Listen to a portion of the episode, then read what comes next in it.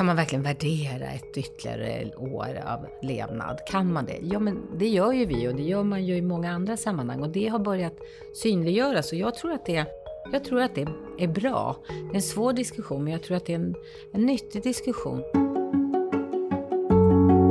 I människans strävan efter hälsa har vi nått en punkt där allt kan förändras. Med artificiell intelligens, hälsodata och genteknik kan vi förstå oss själva bättre och stretcha gränserna för vad vi trodde var möjligt. Men vad krävs för att det ska bli verklighet? Och kanske ännu viktigare, vilka är det som gör det? Välkommen till Precisionspodden, en upptäcktsresa inom precisionsmedicin där Anna Johansson från Bristol Myers Squibb guidar dig till människorna som gör skillnad.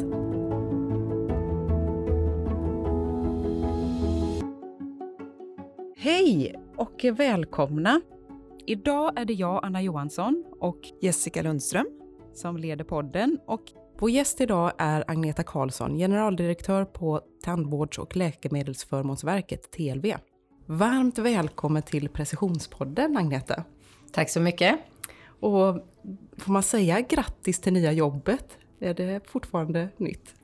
Ja, i någon mening är det ju det och det får du absolut göra. Och det, jag är väldigt glad och stolt över att ha fått ehm, det här jobbet och, och eh, tycker att det är, känns jättekul.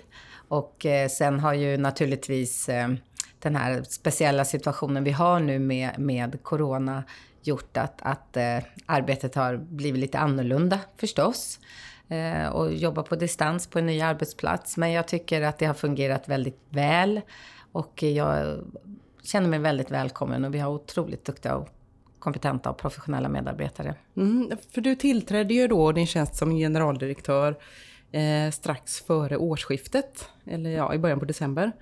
Vad, först av allt, vad gör TLV och vad finns det för koppling då mellan den verksamheten och precisionsmedicin som den här podden handlar om?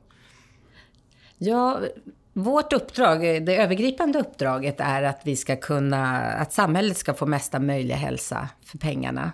Och det vi gör då, vi jobbar inom flera områden, läkemedel, medicinteknik, apotek och eh, tandvårds, eh, så alla de marknaderna arbetar vi på. Eh, och vi fattar ju beslut om vilka läkemedel som ska ingå i läkemedelsförmånerna, alltså vilka läkemedel som ska vara subventionerade för patienten eller medborgarna. Och eh, det gör ju vi efter att vi har gjort en bedömning av den kliniska nyttan och också en, så gör vi en hälsoekonomisk bedömning av värdet på de här läkemedlen i förhållande till de behandlingsmetoder som, som redan finns. Mm. Och kopplingen är ju då att det kommer nu många läkemedel som kan bota eh, och som är väldigt individuellt anpassade, men som också är väldigt kostsamma och har en annan eh, har ofta ganska få patienter eh, i sina kliniska studier. Också relativt korta studier med tanke på att det är någonting som ska ha en livsvarig effekt. Och det utmanar de, de ehm, beräknings och betalningsmodeller som vi har. Och det, det är det som är kopplingen helt enkelt. Mm, är det en brinnande fråga för er just nu? Är det... Eh, både ja och nej. Eh, nej så tillvida att eh, vi har ju han, haft en del ansökningar och hanterat en del ansökningar på det här området och det har ju det fungerar ju med, med de verktyg vi har. Men i takt med att det blir fler, nu är det inte så att det väller in eh, ansökningar på det här området, men, men det kommer ju bli fler framöver och då har vi ju också, vi har ju lite tid på oss att eh, tillsammans med andra utveckla nya modeller och metoder. Eh, men eh, det fungerar ju även i det system och med de metoder vi har idag. Mm. Det är en bra introduktion tycker jag till, eh, till ert arbete som ni gör. Men du har ju en väldigt bred bakgrund och har gjort många spännande saker. Vill du berätta lite mer om, om dig själv och hur du har hamnat där du är idag? Ja, det kan man ju. Jag ville nog från början antingen vara, bli lärare eller journalist. Jag hade ett samhällsengagemang, aktiv i elevrådet och allmänt nyfiken och, och, och så på, på, samhället och tyckte om att, att göra skillnad. Och sen ha, har jag på olika sätt hamnat i eh, den politiska eh, sfären och jobbat i regeringskansliet flera gånger men också inom arbetarrörelsen både på, på LO centralt och inom det socialdemokratiska partiet och också en tankesmedja. Men sen har jag ju genom att jag jobbat med, med välfärdsfrågor på olika sätt så fick jag möjligheten att jobba inom läkemedelsindustrin några år och det tyckte jag var väldigt eh, fascinerande och väldigt intressant. Jag tycker att, att eh, hälso och sjukvård och inte minst eh, det som pågår nu med, kring Ehm, pandemier och, och smittsamma sjukdomar och, och, vaccin. Och det var ju väldigt aktuellt under de åren då också eftersom svininfluensan härjade. Och det tyckte jag var väldigt spännande. Och när jag då fick möjligheten att jobba i regeringskansliet igen så som statssekreterare för just de frågorna så tyckte jag att det var jätteroligt. Och eh, när jag sen slutade förra året så kände jag ju att, att jag ville verkligen kunna använda den här samlade erfarenheten på ett bra sätt. Och då, då tyckte jag att eh, TLV och sökte ju då generaldirektör, eller rättare sagt regeringen sökte en, en generaldirektör till TLV. Så tyckte jag att mina erfarenheter var perfekta, både med min erfarenhet från industrin och från eh, regeringskansliet och, och politiken. Och också att arbetat i ledande ställning länge så tyckte jag att det passade väldigt bra. Och att få göra, att få göra nytta helt enkelt som, som statlig tjänsteman. Att, att se till att, precis som våran eh, devis, att eh, liksom skapa mesta möjliga nytta och hälsa för, för skattebetalarnas pengar. Och det är det som är myndighetens ledord och det tycker jag känns väldigt bra. Helt mm. enkelt. Trivs du?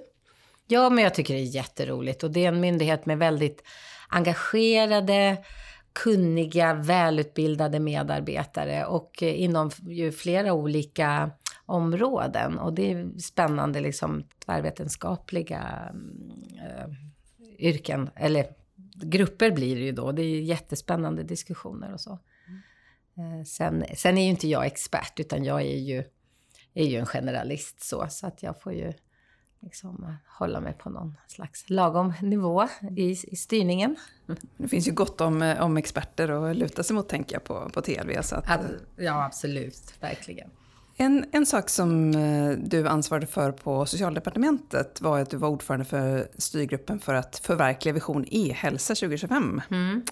Eh, vad tar du med dig från det arbetet in, in till TLV-utmaningarna, så att säga?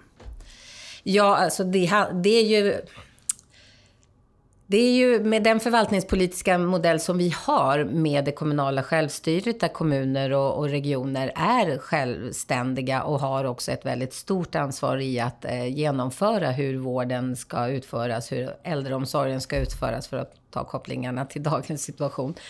Så, men staten är ansvarig för ramlagstiftning och, och, och statsbidrag och både riktade och generella, så är det ju naturligtvis en, en utmaning att få till det där när man verkligen vill att saker ska hända och sortera i rollerna och, och vad, vad kan vi göra? Så att det är det här att, att samverkan tar tid och kräver väldigt mycket engagemang och eh, tydlighet i ansvarsfördelningen tror jag. Det, det tar jag med mig. Men sen också att man måste vara väldigt överens om vart man ska. Att man har ett gemensamt eh, mål.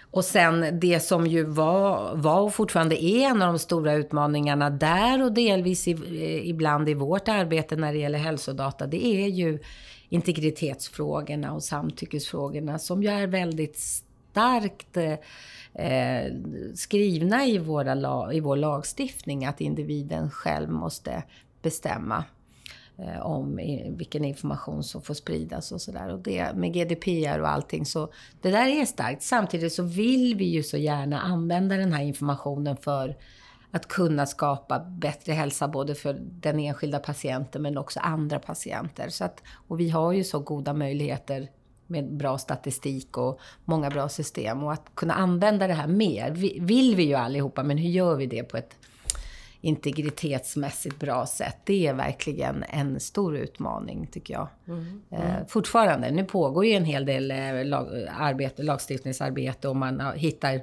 kan ju också med teknikens hjälp hitta sätt att, att enkelt eh, följa reglerna men, men ändå göra det, eh, få det görligt. Men, men det är en utmaning. Mm. Vad gör ni i den frågan just nu då? Hur jobbar ni med det? Eller vad, vill du liksom, vad är det för förändringar som, som du skulle vilja se? Alltså för TLVs del så behöver ju vi ha lite, vi skulle behöva ha eh, tydligare uppdrag att vara statistikansvarig myndighet. Då kan vi behandla en del eh, uppgifter själva. Mm. Det handlar också en del om, om eh, tydliggöra, få lite mer tydlighet kring eh, samarbetet med andra myndigheter kring hur vi får använda eh, en del uppgifter. Och där ju Eh, våra systermyndigheter, det är Hälsomyndigheten och Socialstyrelsen förra året, eh, ändra, ja, skärpte sin praxis i hur de utlämnar eh, eh, statistik till exempel. Vilket har lett till att många vänder sig till oss istället. Och det är ju sånt som regeringen har för avsikt att titta på. Men det, i coronatider tar en del saker kanske lite längre tid än vad, vad som var tänkt. Då, men... Hamnar inte riktigt lika högt upp på prioriteringslistan just nu då? Nej, och skälet till att de här frågorna är så viktiga för oss, det är ju att vi kan ju då med hjälp av olika register och hälsodata följa hur läkemedel används i praktiken, i klinisk vardag. Och eh, när ju fler läkemedel som kommer nu som har lite mer osäkra studier med sig in i ansökan och så. Och där vi kanske måste ha olika begränsningsvillkor och uppföljningsvillkor. Då är de här data jätteviktiga för att vi gemensamt då med företagen ska kunna se, och professionen förstås eh, i vården, kunna se funkar de här läkemedlen som det var tänkt eller inte? Mm. Och, där, och, och det är ju kopplat till de uppdrag som vi har om, om eh, uppföljning då och eh, även till det som vi har kring betalningsmodeller och hälsoekonomiska utvärderingar. Mm. Så det hänger ihop, så därför är data väldigt viktigt för oss. Mm. Mm. Det, jag tycker det är skönt att höra, eller skönt, men, men det här är en gemensam utmaning som vi har alla och det är mm. otroligt viktigt för oss som, som läkemedelsföretag också, liksom kunna visa vad, vad är det för värde som, som de läkemedel vi kommer med kan leverera. Och vi har ju någon slags bild av att vi, vi tror att det kan ge mycket värde men om man aldrig lyckas följa upp det på ett bra sätt så, så faller det lite grann. Och det kommer ju också göra att, att hela samhället kan använda läkemedel mer kostnadseffektivt om vi verkligen kan ta lärdom av hur det går. Mm. Så att, otroligt viktig fråga. Apropå det här med hälsodata då. För det första, vad är hälsodata? Nu när vi är inne på de här datafrågorna och uppföljning. Nej, men det, det är ju lite som jag sa tidigare, att det, det, är ju det är data och statistik som kan visa hur läkemedel faktiskt används i klinisk eh, vardag och som vi kan använda för att följa upp våra beslut och också de avtal som finns. Mm. Och det är ju, det är ju eh, både menar, vi, vi använder ju idag, redan idag patientregistret, läkemedelsregistret och uppgifter som Socialstyrelsen har om hur många patienter som använder ett visst läkemedel. Vi kan se var i landet används det mest. Vi kan också se eh, följa om till exempel man har bestämt att nu ska man eh, föredra ett visst läkemedel så kan vi se om, om förskrivningen, förskrivningsmönstren kan vi följa och se om Eh, har man switchat då till en rekommenderat läkemedel eller inte?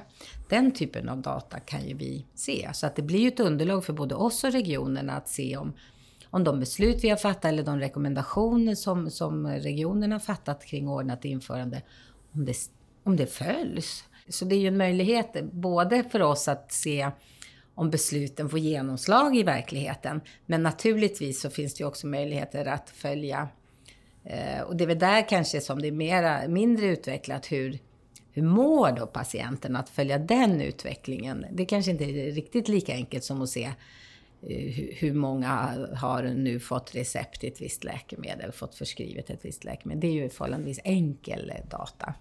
Medan eh, patienterna, liksom den liksom medicinska nyttan av ett läkemedel kan ju vara lite svårare att följa. Mm, mm. Över tid då. Ja, för jag, jag, tänkte på en sak just kopplat till det. det. Det kommer ju, vi får ju allt mer data som rapporteras in av patienterna, eh, egentligen både formaliserat och mindre formaliserat.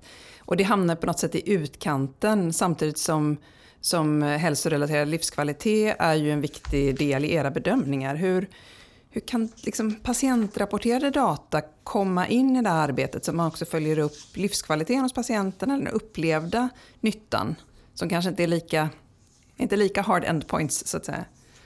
Alltså vi har ju två uppdrag från regeringen nu. Det ena handlar ju om, om uppföljning av, av läkemedel i klinisk vardag. Och det är ju ett uppdrag som vi har fått, kan man säga, förlängt flera gånger. Vi har ju haft det uppdraget i några år. Och just nu så pågår det då eh, på vårt initiativ en eh, ja, sju, åtta olika delprojekt eh, som handlar om olika piloter där vi tittar på olika typer av register, eh, och vi gör det tillsammans, i de flesta fall också tillsammans med akademin, med olika universitet. Och så tittar vi på hur kan man använda olika register för olika saker? Och en av de piloterna handlar också om patientrapporterad data. Så det är någonting som vi har med. Och, och vår tanke med att göra ganska många olika är ju för att se vad finns det för, för att pröva olika metoder. Och för att också se vad, vad finns det för Eh, hinder och ut, utmaningar men också möjligheter eh, och vad, vilka förutsättningar krävs för att det ska fungera. Men är, är det, går det tillräckligt snabbt, den, liksom den här utvecklingen? Ser det? För man, man tänker då, om, ja, kopplat till precisionsmedicin igen, så är det ju detta en, det här är ju en nyckelfråga verkligen. Mm. Mm. Eh, med datauppföljning och se hur liksom, behandlingsutfall och, och kunna följa patienter. Är, är lösningen i registren och kommer vi tillräckligt snabbt fram med den här frågan? Ja, och register är ju möjligen en, en, och det diskuterade vi ganska mycket också inom ramen för den här eh, arbetet med hälsovisionen. Register kanske är någonting som, som kommer att eh, vara passerat om ett antal år, utan det är ju mer hälsodata som man då kan extrahera direkt ur patientjournalen.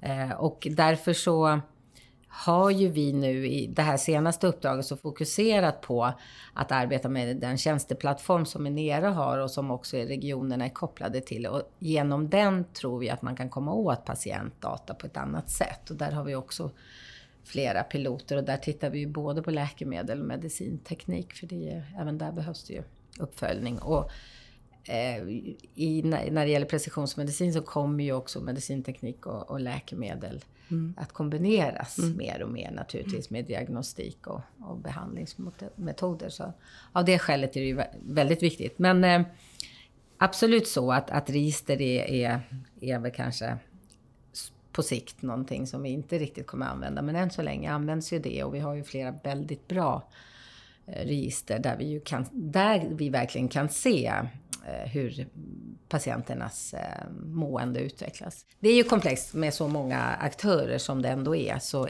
är det ju svårt att synka det här. Men nu har vi ändå fördelen att nu rätt så snart så har ju alla regioner nya IT-lösningar och vi har inte riktigt så många journalsystem runt om i landet som vi hade bara för några år sedan. Och det gör ju också naturligtvis att det blir enklare att mm. samarbeta kring de här frågorna. Men, man, men du menar att man bör bygga upp detta i regionerna och eh, ha en nationell styrning någonstans på det också? Eh, snarare ja. än att man... Eh, för det finns ju så många olika datakällor tänker jag mm. som, som, eh, som kan kombineras ihop. Men, Absolut, men det viktiga är ju att man, man eh, samlar data på likartat sätt och använder samma koder och mm. ja, samma språk. Och där har ju Socialstyrelsen en väldigt viktig roll och de har också fått mera pengar här under, under, i år tror jag för att jobba med det. Och där är det ju jätte, jätteviktigt att att man eh, från regionernas sida liksom samarbetar och, och följer de här eh, riktlinjerna och, och koderna och, och, så, så att vi, vi verkligen pratar samma språk. Vi, vi tar ju små steg sakta framåt och det är positivt får man ändå säga. Men nu så länge, vi var inne på det i början, att det finns ju mycket osäkerhet när det kommer de här med liksom smalare behandlingarna med, med mindre data helt enkelt vid godkännandet. Eh, i vissa fall så följ, följer vi upp det här över tid. Så hur, hur ser ni på TLV på, på att använda publicerade real world data från andra länder till exempel? Jag förstår att det kanske är att föredra de här svenska eh, data från våra register och så vidare. Men, men det publiceras ju också ganska stora real world data-studier från andra länder ibland. Vi samarbetar ju på olika sätt internationellt. Vi är både på nordisk nivå, europeisk nivå och global nivå i olika nätverk. Och det är klart att det sker eh, ett informationsutbyte på olika sätt. Så är det ju verkligen. när det gäller just eh, användandet av, av eh, real world data globalt så, så är ju det naturligtvis väldigt intressant. Sen är det ju naturligtvis så att de här äh, utmaningarna som vi står inför är ju, det är ju inte bara Sverige som brottas med dem, så det vore ju dumt om vi själva hittade på en massa helt egna saker, utan i vårt arbete, inte minst när det gäller hur vi ska beräkna och betala för de här nya innovativa läkemedlen så ska vi ju ta lärdom av andra länder och samarbeta med andra. Så det ingår ju i, i det regeringsuppdraget så har vi också flera olika del, delprojekt och arbeten. Och några av dem handlar ju om att, att eh, både söka litteratur men också samarbeta med, med andra för att mm, mm. hitta eventuella exempel på hur vi kan göra här i Sverige. Ja, för där, eh, i, där, i ett av de här uppdragen som ni har fått av regeringen så är det ju att titta på det här med betalningsmodeller för, som du säger, innovativa, eh, kanske framförallt gen och cellterapier. Och då gör ni en internationell utblick säger det och ni tittar eh, liksom, men hur ser du på den uppgiften annars? Hur, hur tar ni er an den uppgiften? Ja, nej men dels så, så är det ju två delar i uppdraget. Det ena är ju hur, hur kan man då beräkna de här, eh, bedöma de här stora osäkerheterna. För det är ju det vi ofta gör då när vi utvärderar läkemedel. Det är ju att hantera osäkerheter. Och de är ju mycket större i den här typen av, av ansökningar som vi får. De underlagen vi får är mycket större osäkerhet eftersom det ofta är få, ganska få patientgrupper som, som man har eh, prövat de här läkemedlen på. Eh, och så, så dels är det det, att, att titta på hur, hur räknar man? Hur gör man? Och här tittar vi då på både litteraturstudier och om liksom traditionella sådana här HTA-utvärderingar missar eh, viktiga värden. Vi tittar på eh, också olika utma alltså de utmaningar som finns när det gäller HTA-utvärderingar. Eh, vi tittar på eh, lite kring extrapolering, hur, eftersom det handlar ju om att det här, om man botas kanske då livsvarigt, det är åtminstone det som, som påstås i, i många fall då. Och eh, hur, hur kan vi då extrapolera? Hur ska vi bygga de modellerna för extrapolering av, av eh, överlevnad? Och det är ju eh, en ja, nästan forskningsfråga och, och så. Och där, där försöker vi också titta specifikt och har anställt några eh, personer som ska jobba kring det. Även här försöker vi då titta på olika uppföljningsstudier och, och sånt där för att se hur har vi gjort tidigare och, och, och sådär. Eh, och sen så, så den ena delen handlar verkligen om, om, om det. Vad, hur kan vi liksom skruva på de hälsoekonomiska modellerna? Eller behöver vi göra det för att hantera de här medicinerna? Och det andra uppdraget, det handlar ju om hur betalar vi då? Ska vi betala allt på en gång? Eller ska man, samhället betala lite grann och sen mer när man har bevisat och man har kunnat följa upp under ett antal år? Får man betala mer då? Pay for performance på något sätt? Eller ska man ha något abonnemangssystem? Det finns ju olika betala indikationsbaserad prissättning eller, eller ja, det finns ju massa olika modeller. Och där ska vi ju titta på det då, vad, och vilken typ av betalningsmodeller är lämpliga i olika situationer. Och eh, sen så ska vi också titta lite på just eh, indikationsbaserad prissättning. Men det vi framförallt kommer göra, och det gör vi tillsammans med eh, Stockholms läns landsting och Region eh, Västerbotten och SKR, det är att genomföra ett antal piloter i samverkan med företag då naturligtvis kring aktuella eh, läkemedel och tillsammans då se eh, att, att försöka testa och utvärdera en del eh, nya betalningsmodeller. Mm. Och det är ju så att både eh, Sveriges kommuner och regioner när de hade kongress i höstas så fattade man ju beslut om ungefär ett liknande uppdrag till sitt kansli som det vi har fått. Även Stockholms läns landstings politiker har gett uppdrag till sina tjänstemän att fundera på hur betalar vi då för de här nya lä läkemedlen mm. så att det blir en jämlik vård. Mm. Och även Västerbotten var de som skrev den här motionen till SKRs kongress. Så att alla vi har samma uppdrag och då mm. kom vi fram till att det är ju rimligt att vi jobbar tillsammans så vi inte dubbeljobbar i det här lilla landet. Men eh, sammanfattningsvis kan vi säga att när det gäller båda de här uppdragen så jobbar vi brett på olika sätt och både med teori, empiri och pil praktiska piloter och vi gör det i nära samverkan med regioner och, och företag också då. Mm. Och många också forskare ska vi säga. Hur viktigt är det att vi verkligen kommer framåt i den här frågan för att tillgängliggöra fler behandlingar för Sveriges patienter? Nej, men det är ju naturligtvis jätteviktigt att vi som, eh, att Sverige och våra patienter och medborgare får del av eh, innovativa lösningar. Dels är det ju bra för, för hälsan och, och vården, men sen är det ju också i flera fall eh, svenska företag och, och forskare inblandade och det är ju bra för Sverige av andra skäl. Och därför är ju, regeringen har ju pekat ut det här och precisionsmedicin är ju liksom en av de bärande delarna i life science-strategin.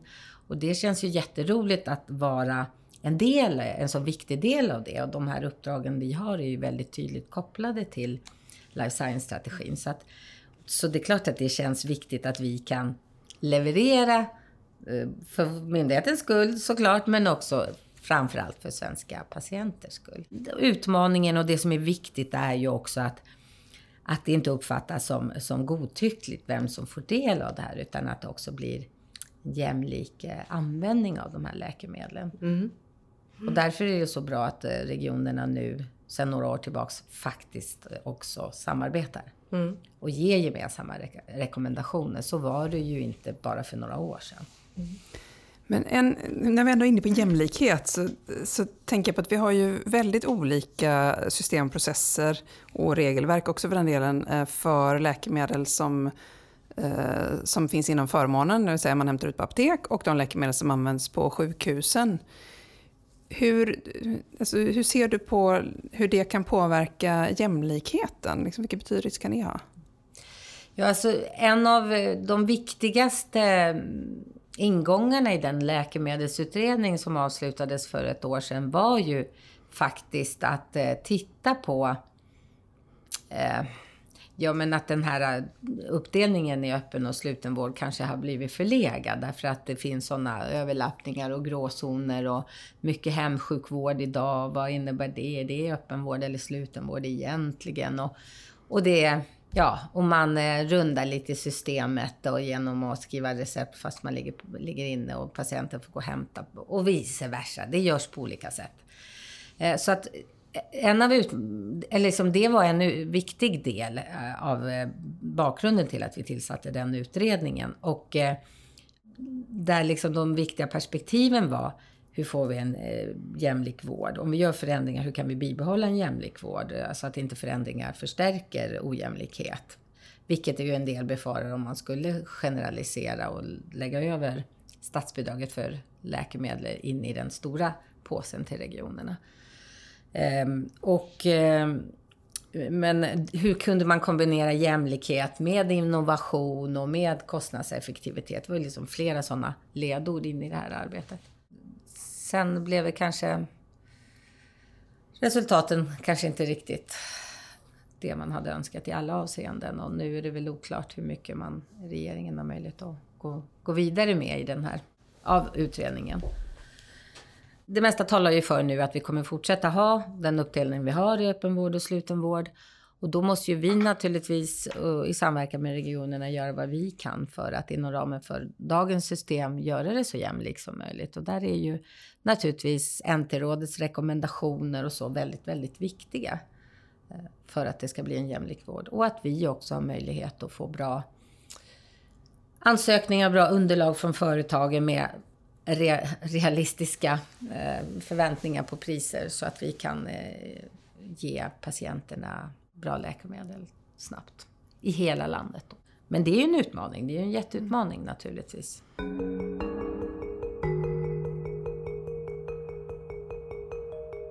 Men när det gäller betalningsmodeller, ja, där tittar ni liksom på hur ni ska ta det vidare och jag tror att vi ser eh, de globala företag som, som är verksamma inom... I många andra länder så tillämpas ju olika typer av, av riskdelningsavtal och, och utfallsbaserade avtal och så vidare. Vilka länder och system kan vara intressant att titta närmare på ur ert, ert perspektiv för att inspireras? Ja, eh, alltså vi, traditionellt så har vi ju kunnat lära oss väldigt mycket från NICE i, i England mm. eftersom ju de och, och vi har, har ju ändå eh, system som handlar om att eh, vi har värdebaserad prissättning och inte bara det billigaste priset som, som i andra länder med internationell pris, det, referensprissättning. Så dels är det ju naturligtvis eh, dem eh, och sen så är det ju fortfarande intressant att se vad som händer eh, även i Skottland och Kanada och eh, Australien. Men även i våra nordiska gran grannländer har vi ju nära samarbete med.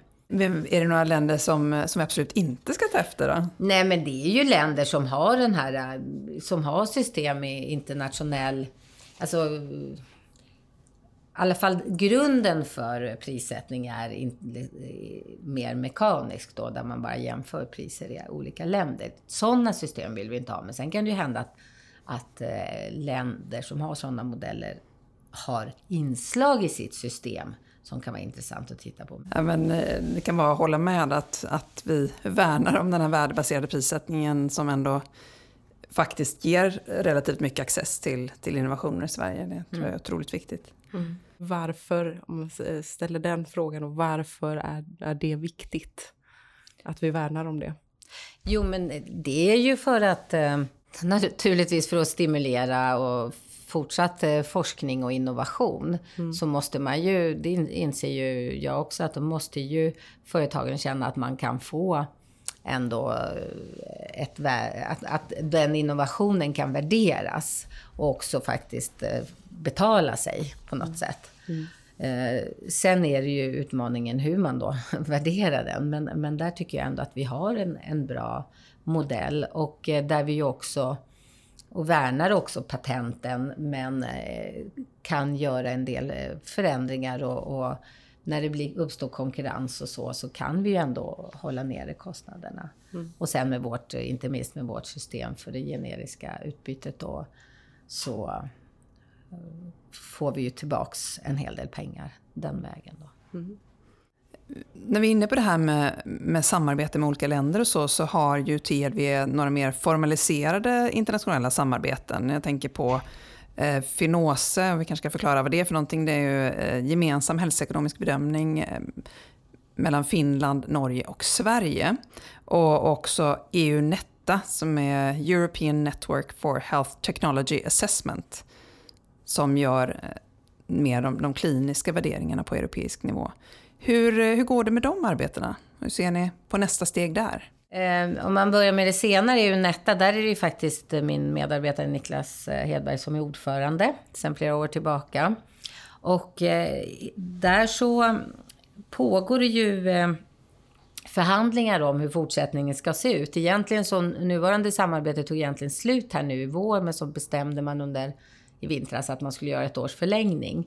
Men det pågår ju fortfarande förhandlingar mellan medlemsländerna om hur det här arbetet ska gå till och också hur det ska finansieras.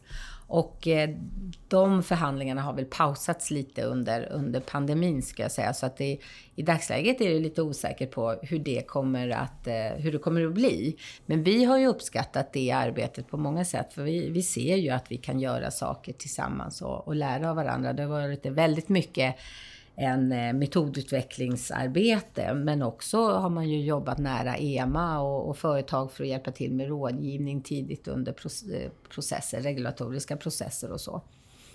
Eh, så det är, tycker vi ju har varit väldigt gynnsamt och, och här är ju Sverige varit väldigt aktiva och, och i förhandlingarna och TLV har ju också rent personmässigt bistått i de här förhandlingarna i Bryssel. När det gäller det nordiska samarbetet så var det ju också på, på eh, Sofia Wallström, min företrädare, så, och TLVs initiativ som det här samarbetsavtalet kom till stånd om att göra saker på nordisk nivå. Och nu kommer vi här inom kort att förlänga det. Och eh, det har ju inneburit att även här då att vi har gjort en del gemensamma rapporter tillsammans. Och eh, nu för, för första gången nu så kommer det, ja, så finns det en rapport som faktiskt används i en gemensam upphandling mellan de nordiska länderna.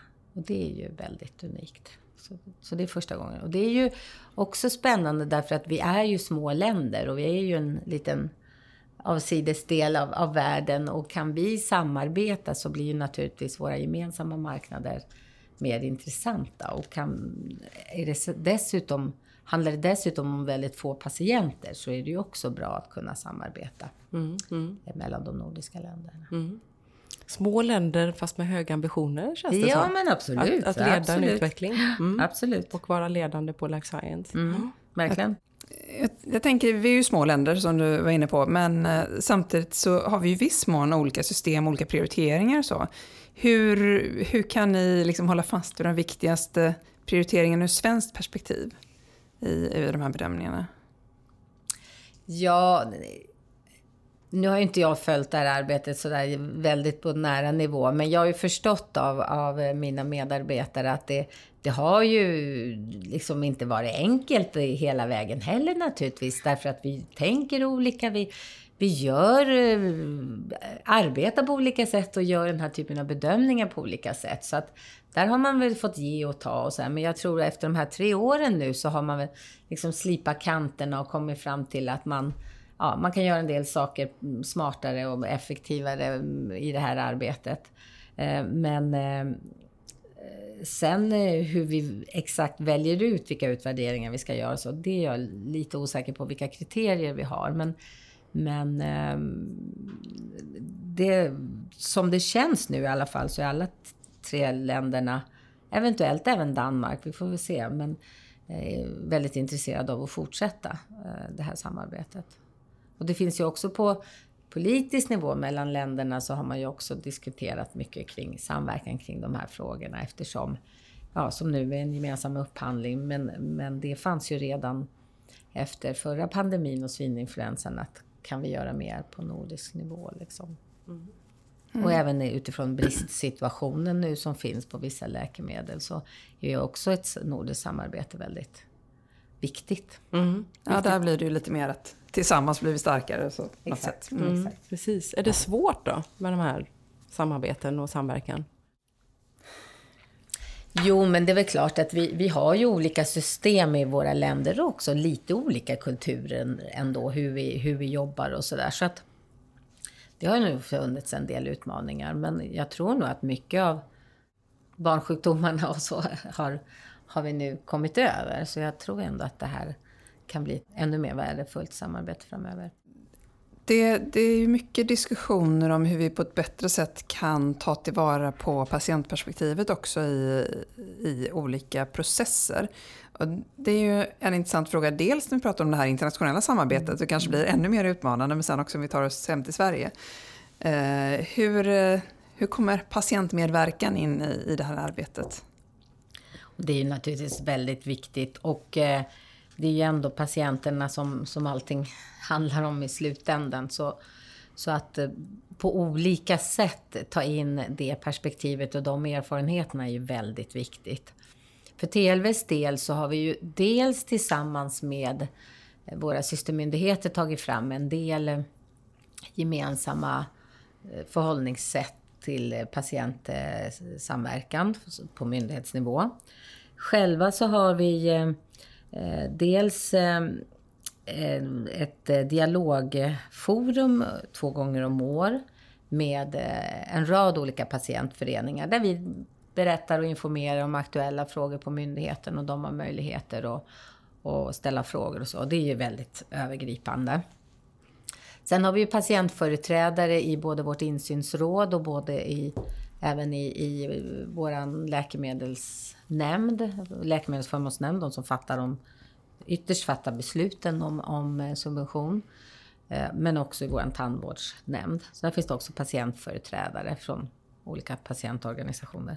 Men sen i olika enskilda ärenden, både när det gäller medicinteknik och läkemedel, så eh, brukar vi ju ha kontakter, mina medarbetare har kontakter kring om det är ett eh, ärende kring någon nytt läkemedel så har man kontakter med patientföreningar och företrädare för att förstå ur ett patientperspektiv hur den här sjukdomen ser ut och hur, hur den här medicinen eventuellt skulle kunna ge ökad nytta för patienten. Så att den typen av dialog brukar vi ha i olika ärenden också. Då. Så att det, för oss är det jätteviktigt och vi har jobbat mycket med det här. Och vi har också nu, det ska jag säga att vi har ju också sen bara någon månad tillbaks en eh, ny utvecklad eh, policy för vår samverkan som, som tydliggör de här olika graderna av samverkan. Alltifrån allmänna möten till att vi träffar patientrepresentanter eh, i en specifik eh, sjukdom, alltså på ja, särskilt område. Då. Mm, mm.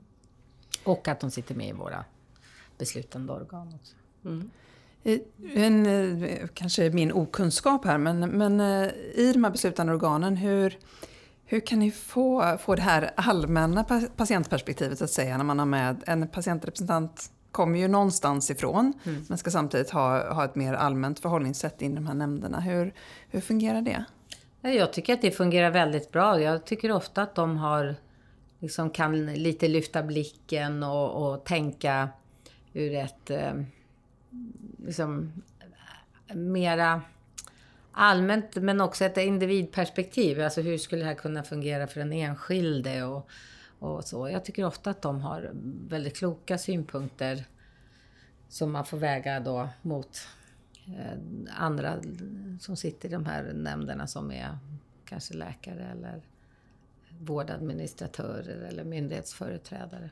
Mm. Så att eh, jag tycker det det är en väldigt bra mix. Ja, mm. Om vi skulle fråga dem, tycker, tror du att de skulle säga att de har en bra påverkansmöjlighet och så? Jag, jag vet inte, men, men det är klart att det här är också komplexa frågor och många av våra ärenden är extremt eh, komplexa och det är inte, det är inte helt enkelt för en lekman att, att riktigt hänga med i alla diskussioner kring extrapoleringar och eh, svårighetsgrader och allt vad det är. Men, men det gäller ju där tycker jag att våra företrädare är väldigt duktiga på att ändå hitta liksom sin roll i det där. Men det är inte enkelt uppdrag. Det är verkligen inte ett enkelt uppdrag. Mm. Gör, gör vi tillräckligt då? Eller är detta tillräckligt för att liksom verkligen eh, lyfta patientens eh, röst och roll i, i det hela? Det är ju svårt. Jag, jag, tycker ju att för, för vår del så har vi ju tagit stora kliv under senare år för att lite mer systematiskt eh, jobba med det här. Vi hade ju medarbetare från alla delar av myndigheten som jobbade fram den här strategin och utbildade sina kollegor och så under det, ja, det senaste året ska jag säga, tills den blev klar då i början på året. Och det har ju gjort att jag tror att det finns en helt annan medvetenhet och jag tror att det är det som är det viktiga än vilka som faktiskt sitter vid, vid, vid beslutsforumet. Det är viktigt att den, det perspektivet finns vid bordet. så. Eh, men sen så tror jag att det viktigaste är att vi hela tiden måste eh, jobba med det perspektivet och också träffa personer under arbetets gång med ett ärende. Mm, mm. Men sen är det ju det är ju, det är ju en svår balansgång därför att det är klart att man, man som patient eh, nästan alltid vill ha det nyaste och senaste läkemedlet mm. medan vi har ju en roll att värdera det då enligt konstens alla regler utifrån nuvarande behandlingsmetoder och också utifrån om det är ett rimligt pris. Mm. Och det är klart att eh, det här med rimligt pris är ju inte riktigt det som man som patient tycker kanske spelar så stor roll mm. i det enskilda och särskilt om det är det egna fallet. Mm. Och det är ju naturligtvis en svår balansgång. Det är mm. jättesvårt mm. att eh, förklara det och, och, och, förstå det. Men det är ju det som patientföreträdarna i våra nämnder och så ändå förstår. De förstår ju att det är, att det är den roll som, som nämnden ändå har. Mm. Där tror jag att, eh, vi, att hela hälso och sjukvårds-Sverige skulle må bra av en mer allmän debatt om prioriteringar i, mm. i hälso och sjukvården och i välfärden och, och få en bättre förståelse för vad det är vi prioriterar och vad vi prioriterar bort i olika... För det är väldigt lätt att man hamnar i svåra situationer när, när man har ömmande fall såklart. Mm. Eh, där alla skulle vilja ge, ge de här individerna rätt behandling och så vidare. Men där man kanske behöver då ha, ha mer liksom, förstå att om vi väljer att göra det, vad händer då? Ser du att TLV kan ta en aktiv roll i den debatten?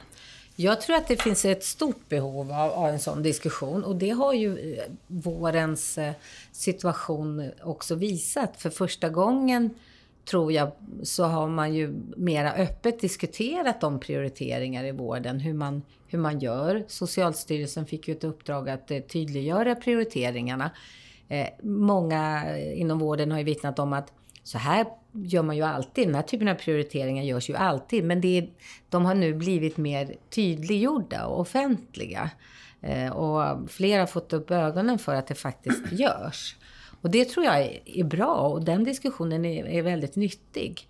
Jag har också sett eh, flera debatter men också nya artiklar där man skriver om det här med qualis, hur man, hur man värderar då eh, Eh, ytterligare levnadsår. Och det är ju den typen av beräkningar som ju vi gör. Och kan man då, hur kan man liksom kan man verkligen värdera ett ytterligare år av levnad? Kan man det? Ja, men det gör ju vi och det gör man ju i många andra sammanhang och det har börjat synliggöras och jag tror att det, jag tror att det är bra. Det är en svår diskussion men jag tror att det är en, en nyttig diskussion så att eh, man förstår att, att eh, vård inte kan ges och inte läkemedel heller ges eh, hur som haver utan det som ligger till grund är också behovs, behovet. Det är behovet som ska styra, inte den som skriker högst. Och det är ju en jätteviktig princip eh, för vår del, men även för vården i stort. Och eh, där kan det nog behövas mera diskussioner. Det som är utmaningen och som vi har pratat om vid något tillfälle, det är ju Ja, vi gör ju de här bedömningarna i varje enskilt fall och det gör man ju ofta inom vården också. Men hur kan vi göra prioriteringar horisontellt? Mm. Säger vi ja till det här eh, braiga läkemedlet för en liten grupp, innebär det att vi då har sagt nej till en massa förlossningsplatser någonstans? Nej, men mm. alltså hur, hur sker den, den typen av prioriteringar mera eh, över mellan terapiområden, mellan eh, verksamhetsområden inom sjukvården. Det är ju en, också en diskussion. Hur, hur prioriterar vi? Hur sätter vi olika behov eh, inom läkemedelsområdet, inom eh, hälso och sjukvården? Mm. Ja. Ja, och ett annat sånt område tänker jag också det är det här med införande och utförande. Exakt. När man för in någonting kan man titta på vad man även... Finns det saker som man bör ta bort? Mm. Um, och sen finns, har vi haft andra röster i den här podden som har pratat om också att när man har stora innovationer som kommer så kanske man ska vända upp och ner på hela kakan och se okej, okay, um, ehm, vad är egentligen vilken linje ska komma först? Mm. Man, inom, eh, inom läkemedelsbehandling i alla fall så brukar man ju prata om det här med första linjen, mm. andra linjen, tredje mm. linjen och så vidare. Men kommer det någonting som är verkligen eh, vänder helt upp och ner på den här kakan? Mm. Hur ska vi har vi ett system som kan göra det? Mm. Um, så, det så att det hamnar rätt. Det är ju jättespännande diskussioner. Och det, för det är risken, den risk vi har, som, och, och, som jag tror är väldigt vanlig, det är att vi bara lägger nya saker ovanpå det som redan finns på något sätt. Utan att utrangera gamla metoder. Så tror jag absolut. Och det gäller ju både eh, liksom maskiner och, ja, kanske inte riktigt maskiner, men ändå inte bara läkemedel utan behandlingsmetoder generellt. Eh, men där är ju vår systermyndighet SBU då har ju, deras uppdrag är ju verkligen eh, mycket det att titta på eh, vad fungerar bäst och så och därmed också eh, liksom dissa vissa, vissa sätt. Jag kommer ihåg en av de rapporter som blev en riktig ögonöppnare för mig och som jag tror faktiskt revolutionerade vården en del. Det var i början på 2000-talet tror jag, när de kom med en rapport som sa att om man hade ont i ryggen skulle man absolut inte ligga och vila. För det hade man ju fått eh, som råd innan, att har man ont i ryggen ska man vila och ta smärtstillande. Men då var det verkligen så, upp och rör er och aktivitet är det bästa. Ja. Mm. Och det är ju den typen av, av eh, kunskap som vi måste ha. Men, men då ska man också ha en beredskap i vården för att förändra. Och det är klart att vi sitter ibland i väggarna också. Mm. Uh, och särskilt om det hotar en, en yrkesgrupp. Mm. Kanske.